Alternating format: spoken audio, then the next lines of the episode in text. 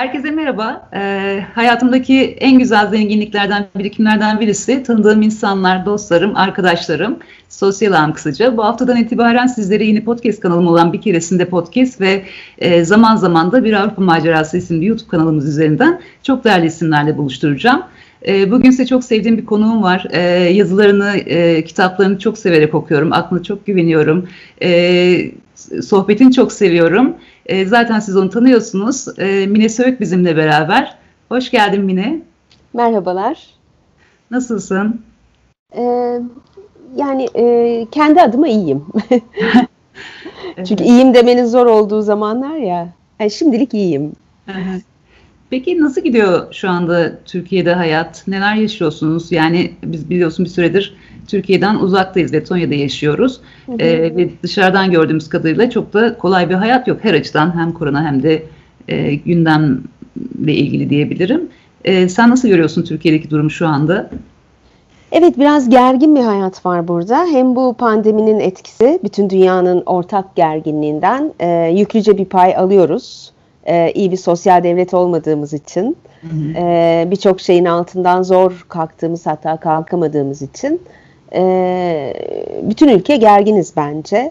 E, politikayla ilgilenen, ilgilenmeyen, gündemle ilgilenen, ilgilenmeyen herkesin çok derinden hissettiği e, ve geleceğini göremediği bir belirsizliğin içinde hayatta kalmaya çalıştığı, korksa mı korkmasa mı, rahat mı olsa gergin mi olsa çözemediği, e bir yandan da e, ekonomik sorunlarla boğuştuğu tuhaf bir dönemdeyiz. Yani birçok kötü dönemler olmuştu biliyorsun ülke tarihinde ama şu dönem iyice olağanüstü.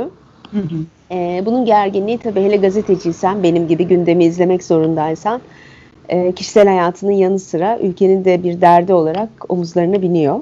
Hı hı. Böyle bir hayat. Zaten e, sanıyorum Medyaskop'ta bir röportajın sırasında şeyi söylemiştim. Mutsuz ülke, e, mutsuz insanların olduğu bir ülke artık Türkiye. Maalesef. E, peki sence nasıl aşılır bu mutsuzluk? Yani yani geleceğe dair ne düşünüyorsun? Bir dönüşüm söz konusu olacak mı? Ya da bir dönüşümün söz konusu olması için ne olması gerekiyor Türkiye'de? Tabii benim um, tek umudum her şeyin değişiyor olması. Ama tabii e, zamanla ilgili sorunumuz var. E, bazen ömrümüz yetmiyor bu değişimi e, görmeye ya da değişimin sonuçlarını e, kötünün iyiye e, dönüşme sürecini derli toplu bir şekilde algılamaya yetmiyor insan ömrü bazen. E, bu açıdan hani tabii ki umutsuz değilim. Her şey değişir. Hele kötü şeyler kesinlikle değişir. Hı hı. Ee, bu varoluşun doğası böyle. İyiye doğru evriliyor hayat devamlı. Yaşanabilecek e, hale gelmek zorunda, toparlanmak zorunda her şey.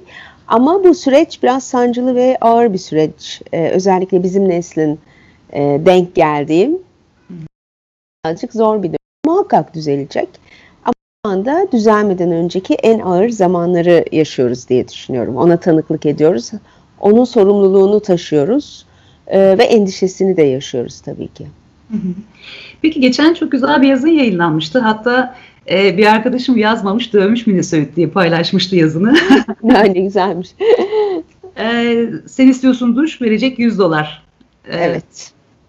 Peki bu hani e, dövizdeki artışı, TL'nin değer kaybedişini, insanların bu konu karşısında verdiği tepkileri nasıl buluyorsun?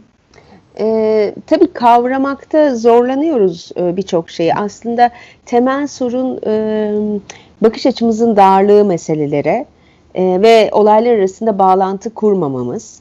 E, gerçekten yeterli tecrübemiz var başımıza ne geldiğini anlayacak kadar. Tarihi bilgimiz var, e, iletişim gücümüz var. Yani farkındalığımızın çok yüksek olması gereken bir iletişim çağında yaşıyoruz. Hı hı. Ee, en azından herkes okuma yazma biliyor. Yani büyük bir çoğunluk. Hani en basitinden. Hı hı. E, haberleşme araçlarına ulaşabiliyor herkes televizyon aracılığıyla vesaire. Hı hı. E, ama buna rağmen kurmadığımız, olaylar arasında kurmadığımız bağlar yüzünden sanki böyle bir donanımımız, böyle bir birikimimiz, böyle bir imkanımız hiç yokmuş gibi yaşıyoruz. Ee, birazcık bu farkındalığın, bu olaylar arasında bağ kurmanın önemini hep vurgulamaya çalıştığım şeyler yazıyorum şu dönemlerde. Çünkü ben de kendi hayatımda bunun üzerinden e, bir çıkış arıyorum. Hı hı. E, o yazı da biraz bunun yazısıydı. Yani e, doların yükselmesi, ekonominin tepe taklak olması bizim için ne anlama geliyor? Hı hı. Bunu anlamak için bakacağımız var.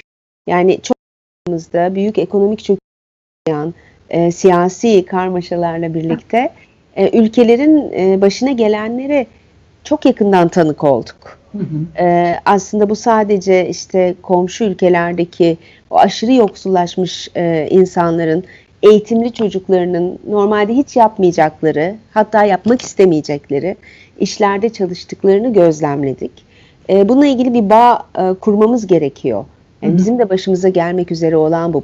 Buradan baktığımızda e, neye maruz kaldığımızı, nasıl bir tehlikenin eşiğinde olduğumuzu e, daha iyi hissederiz ve belki ona göre itiraz ederiz, ona göre öfkeleniriz, tercihlerimizi ona göre yaparız e, diye bir e, çabam var şu sıralar yazarken.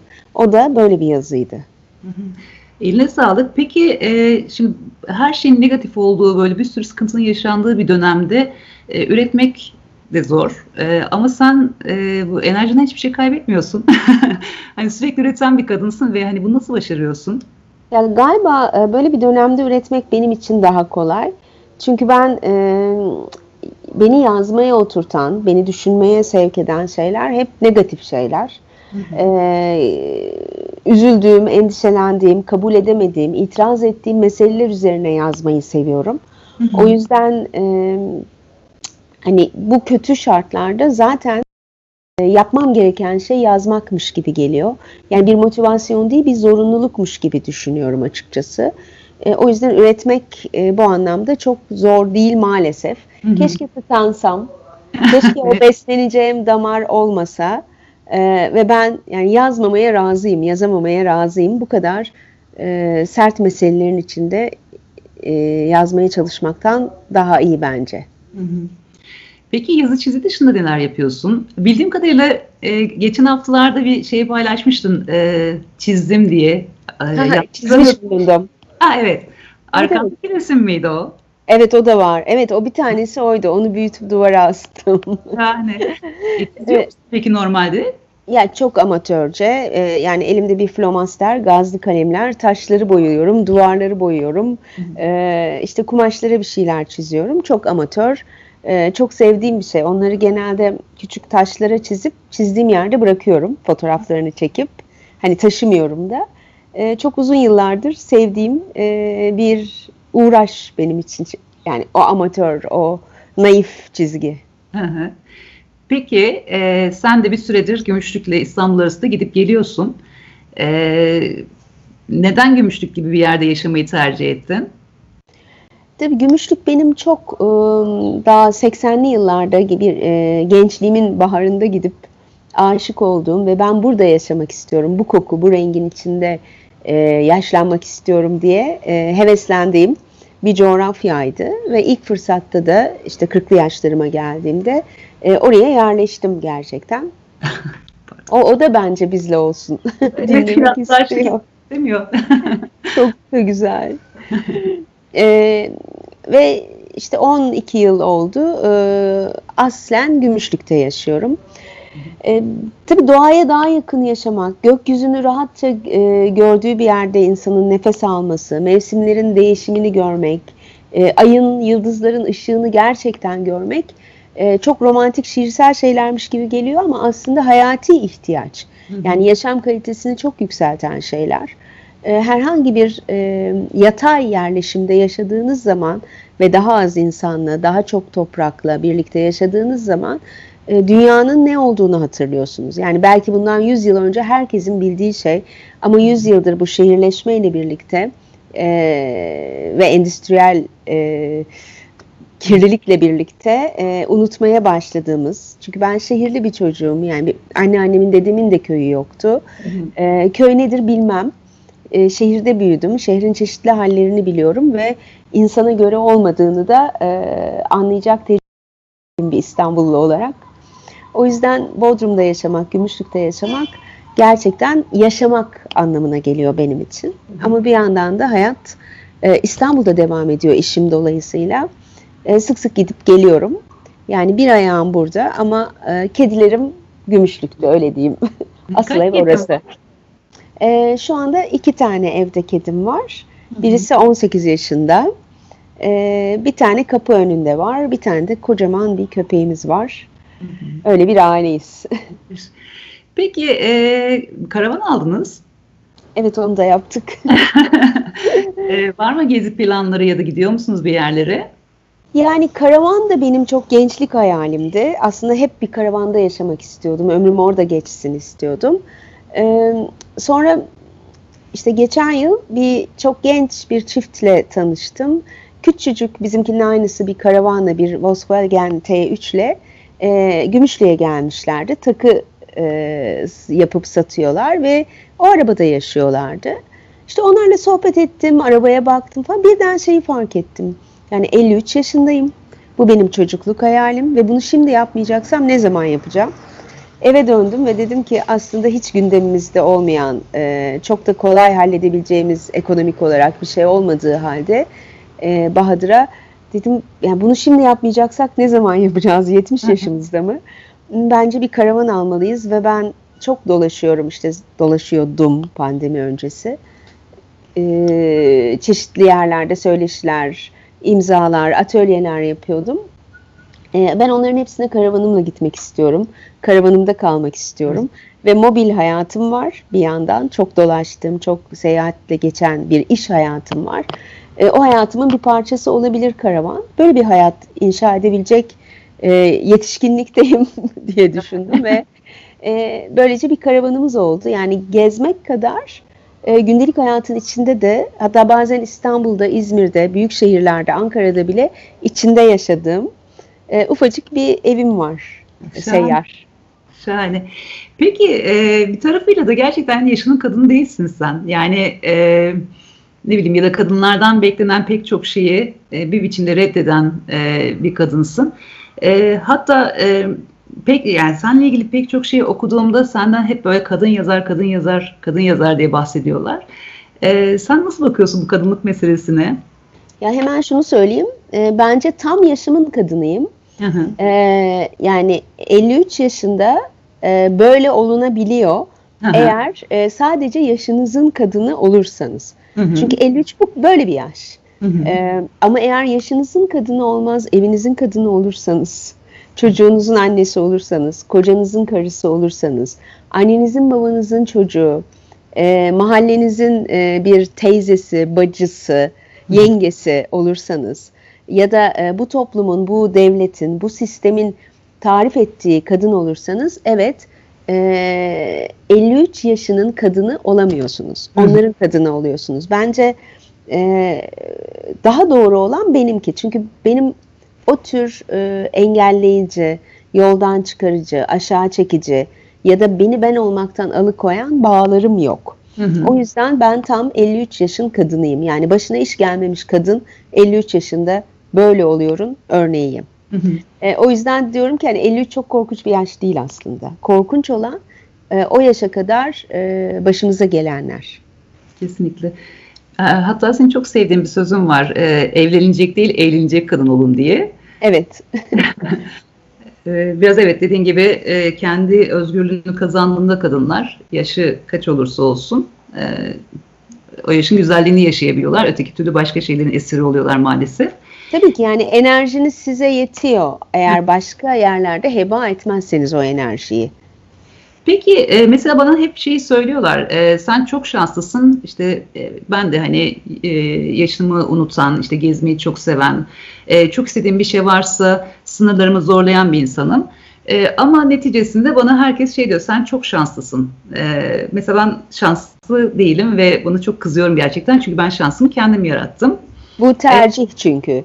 Kesinlikle evet yani e, başka bir hayatı yaşamayı tercih etmediğim için bir şeyleri göz alıp riske edip hatta e, bir yerde olabilir, e, birikimde olabilir, iyi bir ev, iyi bir e, yani iyi bir aile derken hani tırnak içinde o o cümleleri kurmak bile zor değil mi? Evet yani iyi bir ev sanki, sanki iyi bir evi reddetmişiz gibi ya da iyi bir hayatı reddetmişiz de e, kötü bir hayatın içinde e, yüzümüzün akıyla çıkmışız gibi anlatmak zorunda kalıyoruz. Ne tuhaf Aynen. değil mi? Maalesef. Yani bir de şöyle bir şey var. Sanki hani hep özenti bir hayat yaşamışım. Yani yaşamın e, gereklerini yapmamışım da aslında ya da bunu içselleştirmemişim de bir şeylere özenip sürüklenip gitmişim gibi e, davranıldı çok uzun süre.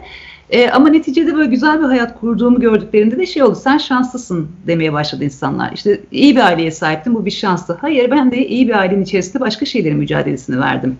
Ya da işte sen şanslıydın e, işte gittin kendi şurada hayat kurdun. Hayır ben bir sürü şey riske ederek e, oraya gittim ve bir sürü şeyin mücadelesini verdim. Yani bunlar hep böyle dediğin gibi tercihler ve bir şeylerin mücadelesi sonucu oluşan şeylerdi. E, çok bozuldu böyle söylendiğinde. e, sen nasıl bakıyorsun şans meselesine? Evet. Birebir katılıyorum. Bunu böyle anlatmak gerekiyor. Çünkü ben e, tercihlerin çok önemli olduğunu düşünüyorum. E, her şey bir tercih. Eğer düşünerek, isteyerek, gerçekten isteyerek seçerseniz Evet ev kadını da olabilirsiniz. Üç çocuklu bir anne de olabilirsiniz.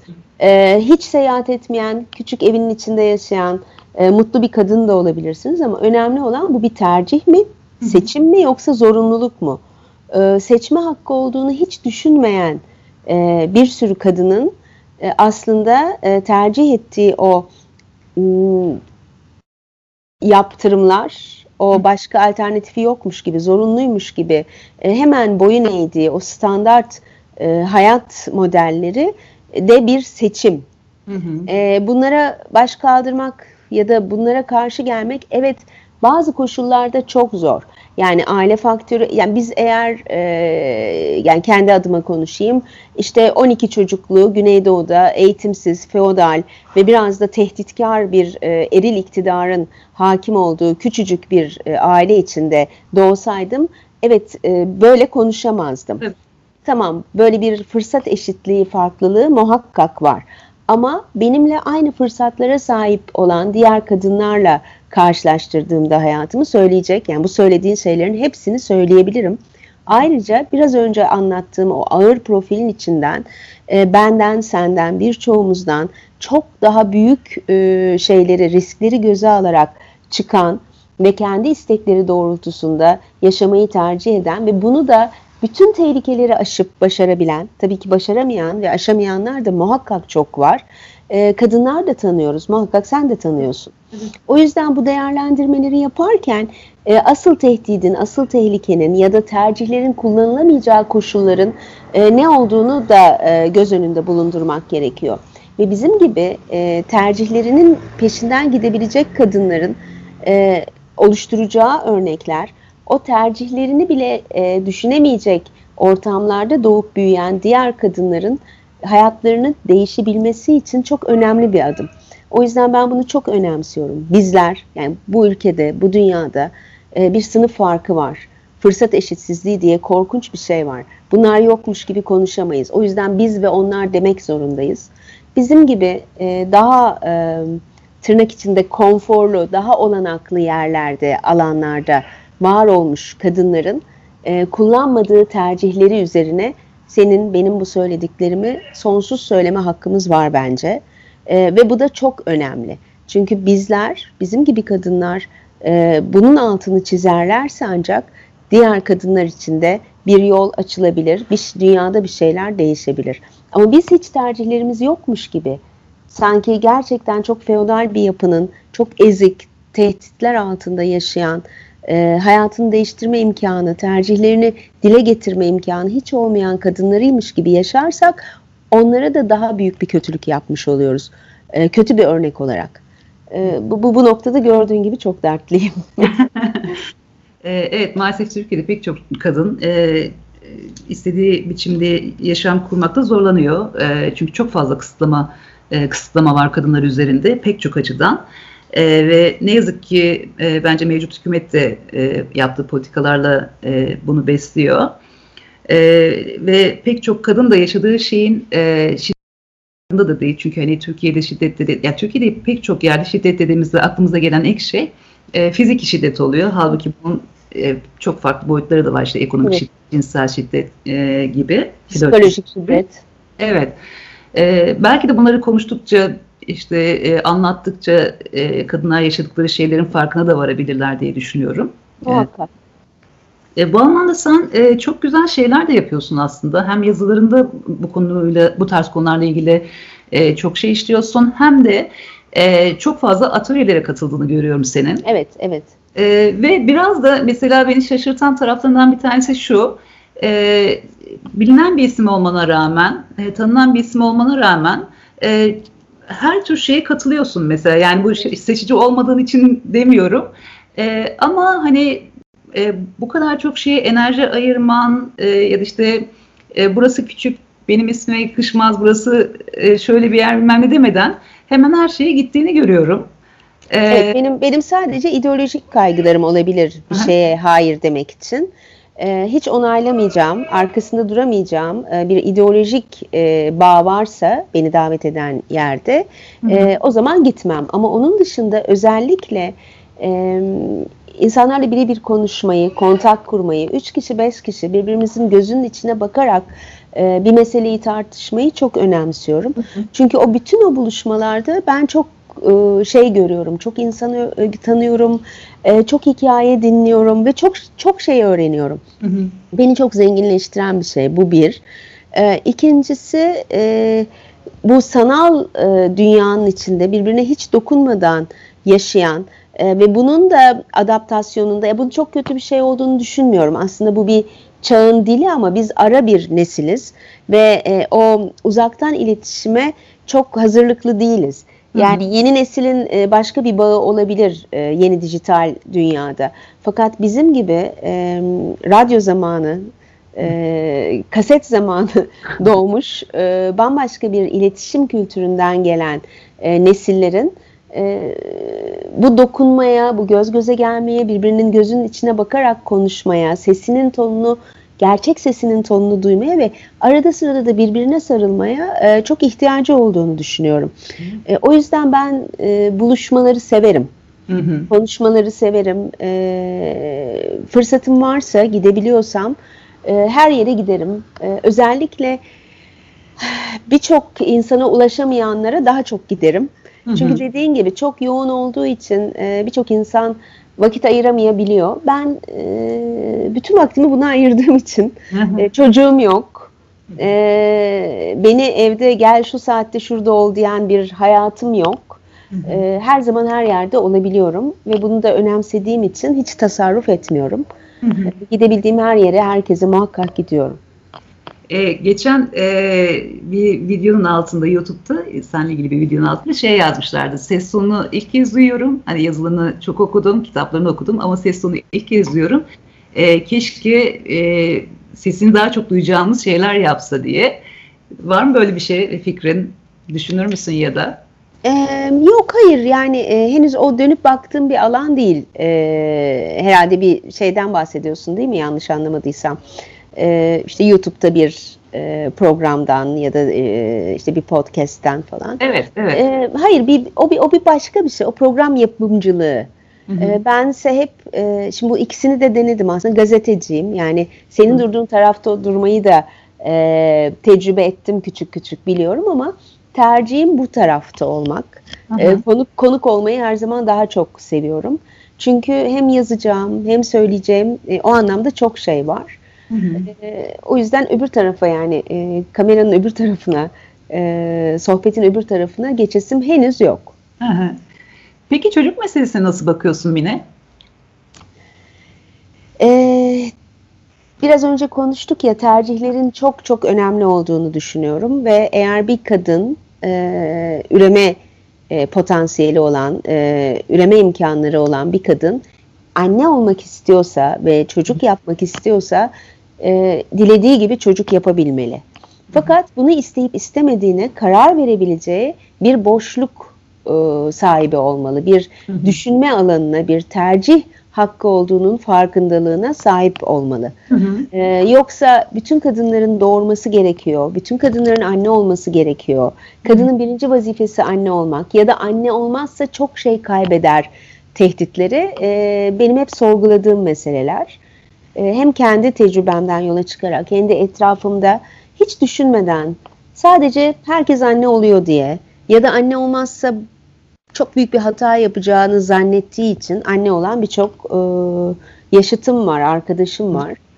Hmm, onların hayatlarından e, izlediğim kadarıyla, gördüğüm kadarıyla e, çocuk konusunun çok vahşice kadına dayatılan e, bir baskı olduğunu, bir e, bir işkenceye dönüşebilecek kadar ağır bir e, yaptırım olduğunu gözlemliyorum. O yüzden e, ben hiçbir zaman çocuk sahibi olmak istemedim. E, bunun da öyle çok derin sebepleri yok. Hani bu kadar kötü bir dünyaya çocuk getirmemek falan değil. Yani oralara kadar gelmedi aklım. Sadece benim anne olasım yoktu. Ee, hani sokakta oynamaya hep öyle anlatmayı severim. Devam etmek istedim. Ee, hiç o eve girmek ve bir e, küçük bir insanın çok önemli bulduğum e, varoluş e, yükümlülüğünü, onun hayatta kalması, büyümesi, e, sağlıklı bir birey olması için e, bir çaba harcama görevini e, üzerime alasım gelmedi. Hı hı. E, o yüzden de e, çok güzel gözlemledim. Doğurmak istemeyen kadına nasıl bir işkence yapılıyor Onu bu dünyada. Evet, bunu bunu bunun gayet güzel bir de deneyini kendi üzerimde yaptığım için e, çok rahat da anlatabiliyorum detaylı bir şekilde. Hı hı. E, ben de aynı şeyleri yaşadım. Ben de çocuk yapmayı yeğlemedim. Çünkü gerçekten sokakta olmayı çok seviyorum. E, ve gerçekten bir çocuğun sorumluluğunu alacak şeyi de hissetmedim kendime. E, ya benim becereceğim iş değil gibi geliyor bana. Yani hani ben mutsuz olurdum anne olsaydım. Ama mesela böyle dediğimde bile e, çok tepki e, çekiyor bazı ortamlarda ya da yani kendi sosyal çevremde değil de atıyorum bir sosyal medya üzerinden bu tarz bir paylaşım yaptığımda da ya da yazdığımda deniliyor e, işte doğursan seversin. Evet doğursam severim elbette. Çocuk seviyorum yani çocuklarla ilgili bir derdim yok. Ama bir çocuğun sorumluluğunu almayı sevmiyorum ve istemiyorum. Yani e, evet çocukla iyi vakit geçirebilirim. Zaten doğurduktan sonra kendi çocuğum olacağı için sevebilirim. Ama e, beni çok geriye atacağını biliyorum böyle büyük bir sorumluluğun e, ve mutsuz edeceğini biliyorum. Ama dediğin gibi Türkiye'de çok baskılanan bir şey özellikle Türkiye'de. E, yani evlilik meselesi de öyle. Yani evlenmediysen bakkaldan e, konu komşuya kadar herkese dert oluyor. İşte herkes senin bir şekilde evlenmeni bekliyor, ümit ediyor, baskılıyor falan.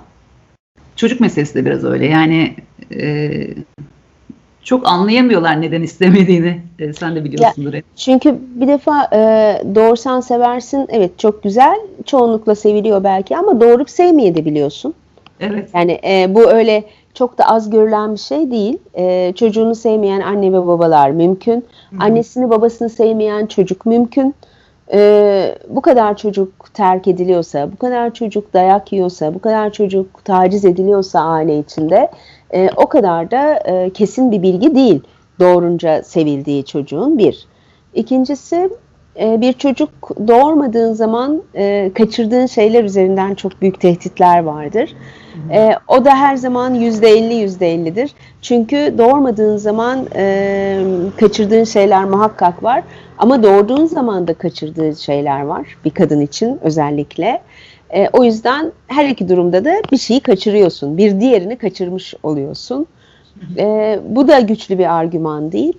E, tek benim için önemli olan ölçü çocuk konusunda çok istiyorsa, anne olmak istiyorsa, e, bu onun için e, kıymetli bir şeyse evet o kadın muhakkak doğurmalı ve istediği kadar isterse 10 çocuk doğurmalı, isterse tek çocuk doğurmalı ama isterse, istekler o kadar önemli ki bizim hiç birinci sıraya almadığımız, hiç kıymet vermediğimiz o kadının isteği bu her konuda. Yani düşünürsen e, toplumsal yaşam ya da e, kadına yüklenen kimlik kimliğin özellikleri asla kadının istekleri üzerinden biçimlenmiyor. Kesinlikle. Tam tersine e, kadının ne yapması gerektiği e, bir takım işte köklü e, ve aslında tanrısal e, ilahi kurallarla da güçlendirilmiş e, ve sistemi, ekonomiyi ayakta tutan temelinde güçlü bir e, ve kötücül bir ahlakın e, taleplerine göre belirleniyor. Yani kadından çok kadın tarif ediliyor ve kadın da buna kanıyor işin üzücü tarafı. Yani kendi yerini ona göre belirliyor. Ee, yani çok küçükken verilen din eğitimi gibi e, ne öğretirseniz çocuğa e, küçücükken ona inanarak şekillenir beyni, korkuları, istekleri, e, ahlakı.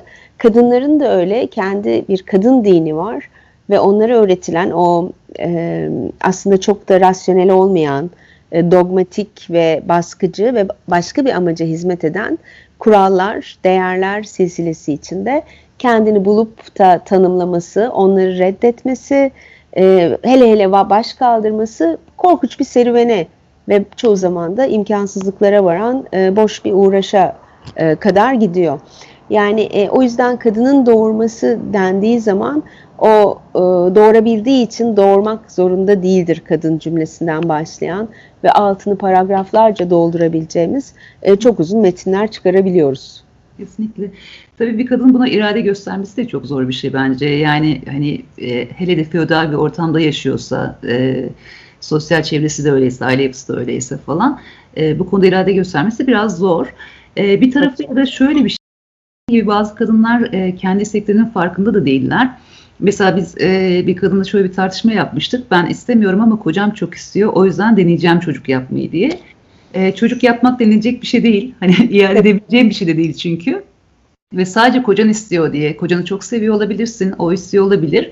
E, ama bir kere şöyle bir şey var. Doğurduktan sonra çocuğun e, bakımının büyük bir kısmı genel olarak kadınlar tarafından yapılıyor. Yani bu hatta e, ailedeki kadınlar tarafından işte e, anneanne, e, teyze, hala e, gibi e, genel olarak hasta bakımında işte çocuk bakımında erkekler sorumluluk almıyorlar yani ya da işte evet. çocuk sevmeyi e, çocuk bakmakla karıştırıyorlar. Seviyorsa ben çocuğuma bakıyorum diyor. Hatta e, bu konuda bir adamla bir tartışmamız olmuştu.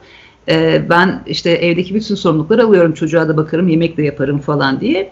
E, güzel bir erkek profil çiziyor ama detayları konuştuğumuz işte evde yaptığı yemek dediği şey e, ana yemeğin yanına yaptığı eşlikçi salata mesela onu yemekten sayıyor ya da dönüp arkasını toplamıyor bulaşığını yıkamıyor ama yemeği yaptığı için e, oradan kendine övünecek bir şey çıkartabiliyor ya da çocuk bakımı konusunda konuştuğumuzda işte her gün oynuyorum çocuğumla falan diye anlatıyor çok severim çok sorumlu kalırım işte hatta karım uyurken ona bakarım falan. Peki diyorum işte kustuğunda temizliyor musun? O onu yapamam çok iğrenç bir şey. Peki işte e, altına yattığında e, bezini değiştiriyor musun? Ya onun kokusuna dayanamıyorum. Ama işte bakım dediğin şey bunlar yani hani onunla iyi vakit geçirmenin dışında başka sorumlulukları var.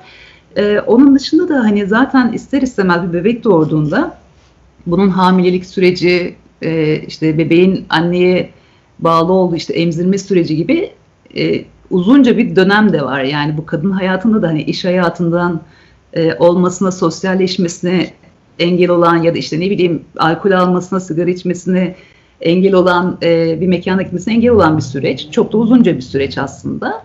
E, haliyle bütün bunların e, kadın üzerinde olduğunu düşünürsek bir kadının sadece kocam istiyor diye e, çocuk doğurması da biraz acımasız geliyor bana. Yani e, kendi hayatıyla ilgili kararını kendisi verebilmeli. Keşke kadınların hepsi bu e, güce ve iradeye gösterecek güce sahip olabilse e, bence çok daha e, güzel bir dünya olur. hani kadınlar daha çok güçlenebilseler keşke. Tabii sadece kadına değil o çocuğa da yani yeni e, hayata başlayan o küçük bireye de büyük bir e, darbe vuruyorsunuz. Eğer e, istemeden anne olmuşsanız yani bir kadının e, istemediği halde anne olması e, aslında bir çocuğun üzerinde de olumsuz etkileri olacağı için çok hastalıklı, çok sorunlu bir yapıyı e, gelecek nesle aktarmak anlamına geliyor. Yani Hı-hı. bu açıdan bile sakıncalı aslında. E, sadece hadi diyelim ki kadın kendi hayatını yanlış bir kararla mahvetti. Ama doğan çocuğun hayatında da bunun izlerini göreceğiz ve o çocuk işte belki 30-40 yaşına geldiğinde bir psikoloğun, bir psikiyatrin karşısına oturmuş annesine anlatıyor olacak. Annesiyle ilgili problemlerini anlatıyor olacak ve kendi çocuğuyla aynı sorunları yaşamasındaki e, o aktarımı keşfetmeye yıllarını verecek eğer bir psikoloğa gitme imkanı olacaksa onun da. Yani bu zincirleme bir sorunun e, aktarımı aslında. O yüzden e, kadınların farkındalığı, tercihlerinin önemi ve isteklerinin önemi. Yani bu noktada da birazcık biz alanı daralttık. Aynı şeyi bence erkekler için de e, söylemeliyiz. Çünkü e, baba olmak istemeyen bir sürü erkekte sırf karısı istiyor diye baba oluyor. Evet. E, hatta hiç evlenmek istemeyen bir sürü erkekte sevdiği, sevişmek istediği, e, birlikte vakit geçirmek istediği kadın, genç kız eğer evlenmezse bunu yapamayacak diye evlenmek zorunda kalıyor. Yani e, bu feodaliteyi besleyen hem erkek üzerinde hem kadın üzerinde belki yıpranma halleri daha başka oluyor ama sonuçta e, her iki cinste e, aynı kaynaktan e, örseleniyorlar, hırpalanıyorlar ve hiç istemedikleri bir yola sokuluyorlar. Sonra da bu, biz oturup bu kemikleşmiş e, ve zor çözülür e, zehirli yapıyı e, nasıl değiştiririz diye hem kendi hayatlarımızda hem de bu işlerimizde, güçlerimizde, konuşmalarımızda çaba sarf ediyoruz. O yüzden hani sırf kadın da dememek gerekiyor sanırım. Aynı şey erkeğin üzerinde de bir baskı.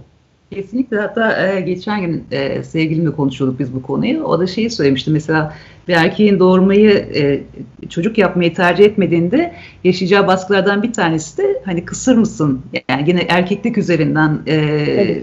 bir baskı yaşıyorlar diye. Evet Türkiye'de kadın erkek. Kadınlar bence biraz daha tabii e, patriarkadan kaynaklı daha fazla ezildiklerini düşünüyorum ama erkekler için de benzer bir şey e, kesinlikle söz konusu. Zaten hani e, erkekliğin yüceltilmesiyle de başlayan bir e, şey var. E, baskı. Çocukluğundan itibaren baskı var. En basiti işte ne bileyim erkekler ağlamaz diye bir e, söz var mesela. Neden ağlamasınlar ki? Yani ne kadar korkunç bir şey değil mi? Evet. E, ne kadar ağır, ne kadar e, yanlış, ne kadar e, sorunlu bir tanım. Evet. E, yani duygusunu yaşamasına, çok doğal bir duyguyu yaşamasına izin verilmiyor. Eğer ağlarsa güçsüz erkek deniliyor. Ya da işte ne bileyim e, kadın gibi kırıtma e, çok şey var onlar açısından da işte e, oturuş kalkışı e, giyim tarzına kadar pek çok şey e, onun erkekliğinde belirleyici bir şey oluyor. Haliyle bir sürü erkekli bir çeşitli baskılarla e, yetiştiriliyor. E, ne yazık ki hani bu cinsiyetçilik denilen bela kadın erkek e, herkesin hayatını sınırlıyor ve zorlaştırıyor. Bence. Tabii erkekleri erkekleri de şiddete yönelten yani aynı baskı erkeklerin de şiddeti olağanlaştırmasına ve tek dil olarak kullanmasına sebep oluyor. Hı hı. Yani e, bu bir kısır e, döngü, bu bir bu bir döngü. Yani erkekte e, ona dönüşen, e, o şiddete dönüşen hal, işte kadında mağduriyete, kadının mağduriyeti üzerinden e, o çocuğun hayatında e, çok negatif rol modellere aktarılarak e, hiç değişmeyen ve devamlı kendisini tekrarlayan e, aynı sorunları yaşayan nesillere mal oluyor. Maalesef. Ee, benim sormak istediklerim bu kadar. Ee, senin eklemek istediğin bir şeyler var mı? Yok harika konuştuk bence. Ee, aslında kendimizi toparlayıp susmasak e, çok da şey var bu konu üzerinde konuşulacak ama ana hatlarıyla bence e, çok keyifli bir konuşmaydı. Teşekkür ederim. Ben teşekkür ederim. Ben de çok keyif aldım. Ee, biraz senin e, zamanından da çalmak istemedim açıkçası. Ee, yoksa konuşacak dediğin gibi çok şey var. Ee, belki bir daha konuk alırız seni. ne zaman istersen. Keyifle. çok teşekkür ederim. Ee, görüşmek üzere o zaman. Görüşmek üzere. Sağlık. Çok sağ ol. Teşekkürler.